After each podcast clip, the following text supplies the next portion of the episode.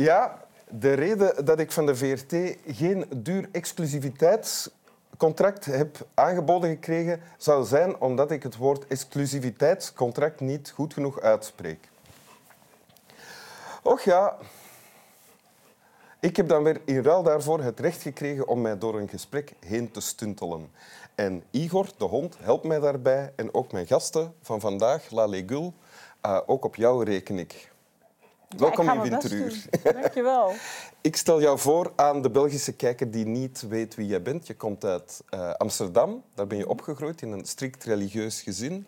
Uh, dat je soms als beknellend ervoer. Ja. Ik, ik snij een paar bochten af. je hebt een boek geschreven.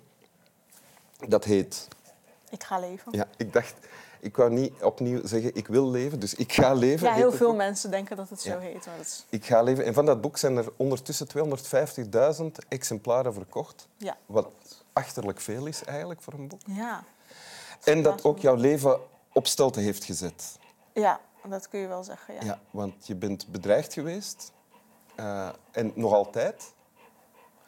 Er zijn rechtszaken van gekomen. Iemand is zelfs in de gevangenis beland omdat hij jouw wapens had opgestuurd. Twaalf maanden celstraf, ja. ja.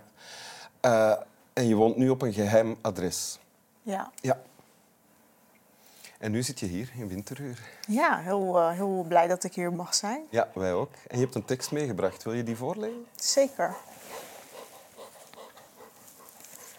Dit is een gedicht van een Iraanse schrijfster. En het gaat als volgt. Because of fear of kissing a partner on the street, because of my sister, your sister, our sister, because of changing the rotten mindset, because of dreaming of a normal life, because of constant tears regarding our situation, because of the forced heaven, because of the geniuses that are imprisoned. Nee, geniuses. Because of the geniuses that are imprisoned, because of the hateful slogans that are enforced in schools, because of peaceful life, because of countless depressions and insomnia, because of the girls who were oppre oppressed, they wished to be a boy. Because of woman, life, freedom. Because of freedom, because of freedom, because of freedom. Ja. Ja. Je, uh, eronder staat anoniem. Ja. En dat is geen toeval dat er anoniem bij staat. Ja, het is heel gevaarlijk om zoiets te publiceren. Er was een uh, zanger op Instagram die het uh, heel mooi zong en die is inmiddels gearresteerd. Ja. Want kan je even de context, waar, waar, komt het vandaan, deze tekst? Hoe is het? Um, nou, er zijn nu protesten in Iran. Er worden heel veel moedige betogers worden gearresteerd, gemarteld en gedood omdat ze uh, niet blij zijn met de dictatoriale regering. En um, in het geval van veel vrouwen gaat het ook om de verplichte lichaamsbedekking en de hoofddoek. Ja. Um, er is ook een 22-jarige vrouw die is gedood vanwege het weigeren van de hoofddoek. Dat was ook de aanleiding van de protesten? Ja, ja? Mahsa Amini. En um, vandaar ook dat uh, heel veel mensen het zat zijn om te leven in onderdrukking. En iemand heeft over wat er nu gaande is dit gedicht geschreven. Ja. En de naam van die persoon moet geheim blijven, anders loopt hij ook gevaar. Ja, het internet is ook uh, afgesloten in Iran. Ik weet nu niet of het alweer uh, teruggedraaid is, maar heel veel mensen worden opgepakt. Mensen die iets op Twitter zetten, mensen die een YouTube-filmpje maken, in de meest voorzichtige taal zich er erg, ergens tegen uitspreken, die worden allemaal opgepakt. Ja. En wat staat er in de tekst, in deze tekst? Um, nou, de reden dat ze vrijheid willen eigenlijk. En ze zegt ook because of a peaceful life. En dat herken ik heel erg van mijn eigen vrijheidsstrijd eigenlijk. Je wilt gewoon gelukkig zijn, je wilt vredig leven en je wilt niet dingen doen omdat anderen om je heen dat van jou eisen. Of het nou geestelijke zijn, imams, je familie, uh, de sociale controle in de geloofsgemeenschap. Op een gegeven moment word je daar heel erg moe van als je daar zelf niet achter staat. Dan moet je namelijk elke dag een toneelstukje opvoeren. Dat geldt ook voor homoseksuelen die in de kast zitten. Dat geldt voor vrouwen die zich uh, onderdrukt voelen. Um, en andere mensen die zich niet. En dat gold ook voor jou? Ja, zeker. zeker. Ik voel me daarom ook heel erg betrokken bij deze strijd uh, in Iran. Um, ik heb daar niet direct iets mee te maken. Ik kom niet uit Iran, maar ik kan, heel, ik kan me heel goed voorstellen wat zij nu voelen. Die machteloosheid. Want ik herken dat, dat je als enkeling heel erg moedig moet zijn om tegen een gevestigd systeem te vechten van een devote meerderheid die eigenlijk niet achter jouw standpunten staan. Is dat hoe het voor jou voelde nadat je boek is gepubliceerd? Dat je een enkeling was en dat je tegenover een muur van... Ja, van, van mensen die mij niet begrijpen of mensen die mij dingen verwijten. Inderdaad, ja, vooral in mijn inner circle natuurlijk. Kijk, uit Nederland en van Nederlandse lezers kreeg ik natuurlijk heel veel steun. Alleen mijn eigen familie, vrienden die ik had, buur, uh, buurmeisjes, buurjongens, de, de wijk waar ik in was opgegroeid, die waren allemaal tegen mij gekeerd. En hoe uitte zich, zich dat dan? Um, ja, heel veel agressie, uh, spugen op straat, blikken gooien naar mijn hoofd, voorbijrijdende scooters. Uh, mij heel vies aankijken, bedreigingen ontvangen. Um, ja. Alleen maar dat? Of was er ook, heb je ook medestanders gevonden daar? Ja, medestanders waren vooral van mensen die ik niet kende. Dus uh, ja, mensen die mij op tv hadden gezien of mijn boek hadden gelezen. Ja. Maar helaas niet veel uit de, uit de gemeenschap zelf.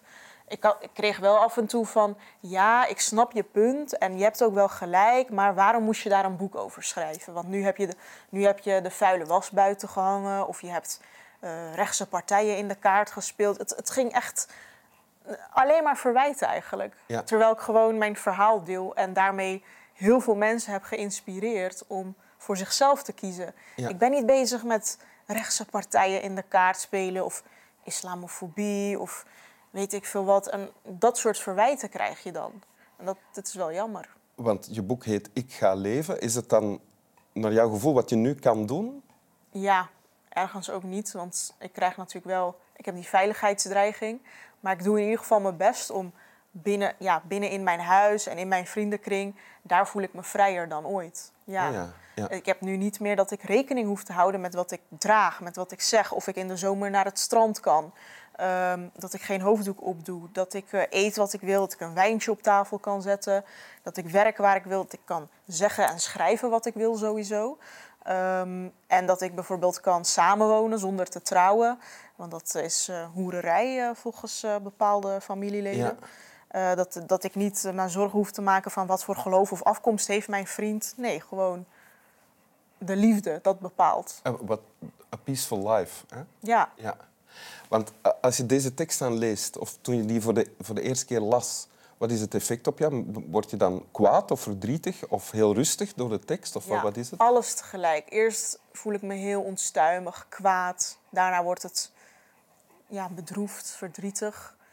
Verdrietig omdat het er niet is, al deze dingen, hè? voor ja. veel mensen? Ja. ja, maar ook onbegrip voor mijn diersoort, de mens. Want ik denk, ja, er is gewoon een 22-jarige meisje vermoord omdat ze geen doek op haar hoofd wil.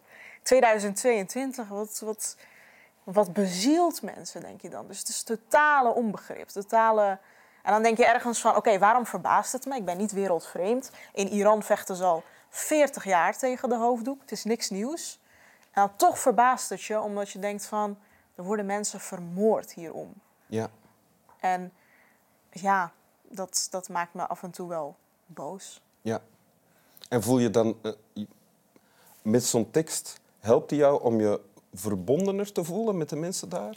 Ja, maar soms denk ik, voel ik me ook machteloos en moedeloos of te neergeslagen of zo. Omdat ik denk, ja, waar houdt het op? In, in Saudi-Arabië waren we blij dat ze een paar jaar geleden auto konden rijden, de vrouwen.